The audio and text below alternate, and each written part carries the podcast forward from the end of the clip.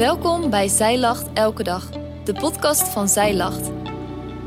Mijn naam is Femke. Dit is de overdenking van 13 februari, geschreven door schrijfster Natanja Koster. Morgen is het Valentijnsdag. Misschien vind je het helemaal het einde, of misschien heb je er echt helemaal niets mee. Bij ons op de middelbare school kwam de feestcommissie altijd langs met rozen voor de meest geliefde meiden uit de klas. Al met al was het een dag waarin de focus best vaak op jezelf kwam te liggen. Het was een dag die kon eindigen in teleurstelling. Maar de liefde draait niet om ontvangen.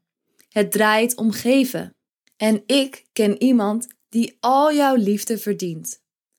Als we ergens in de Bijbel lofliederen voor God tegenkomen, dan is het wel in de psalmen. Kijk mee vandaag naar Psalm 66 en laat het ook jouw liefdeslied zijn voor Hem. Hier staat een lied, een psalm voor de koorleider. Juich voor God, heel de aarde. Zing psalmen voor Zijn heerlijke naam. Geef Hem lof en eer. Zeg tegen God, hoe ontzagwekkend bent U in uw werken. Om de grootheid van uw macht veinzen uw vijanden dat zij zich aan u onderwerpen. Laat heel de aarde zich voor u neerbuigen en voor uw psalmen zingen. Laat zij voor uw naam psalmen zingen. Kom en zie Gods daden. Ontzagwekkend is zijn doen voor de mensenkinderen. Hij heeft de zee veranderd in het droge. Zij zijn te voet door de rivier gegaan. Daar hebben wij ons in hem verblijd. Hij heerst eeuwig met zijn macht. Zijn ogen houden de wacht over de heidevolken. Laten de opstandigen zich niet verheffen. Loof, volken, onze God. Laat het geluid van zijn roem horen, die onze ziel weer leven geeft en niet toelaat dat onze voet wankelt. De psalmist roept ons op Gods daden te herdenken.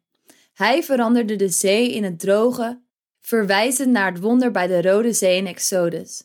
De psalmist verwijst ook naar het loflied van Mirjam en het volk naar dit enorme wonder. Laat dit een oproep zijn voor jezelf om Gods daden in jouw leven te overdenken. Het kan bijna niet anders dan dat er ook in jouw hart een liefdeslied naar God uitgaat als je hierover nadenkt. Waarin zie jij Gods hand terug in jouw leven? Laat Valentijnsdag dit jaar een dag zijn waarin je Hem de liefde verklaart. De liefde verklaart om wie Hij is en wat Hij voor ons heeft gedaan. Ik luisterde pas een podcast waarin de spreker zei: In de psalmen was David de eerste die God mooi noemde. Stel je voor dat hij dat niet had opgeschreven. Had jij dat dan zelf ontdekt? Dit bleef enorm bij me hangen.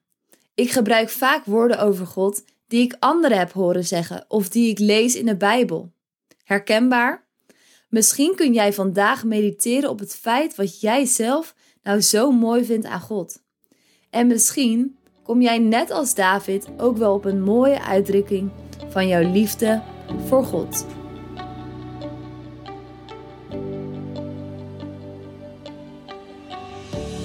Dankjewel dat jij hebt geluisterd naar de overdenking van vandaag. Wil je de overdenking nalezen? Check dan onze website. Je vindt er ook meer toffe dingen die jou helpen om de Bijbel vaker te openen, zoals boeken, Bijbels, cursussen en evenementen. Morgen ben ik weer bij je terug met een nieuwe overdenking. Tot dan!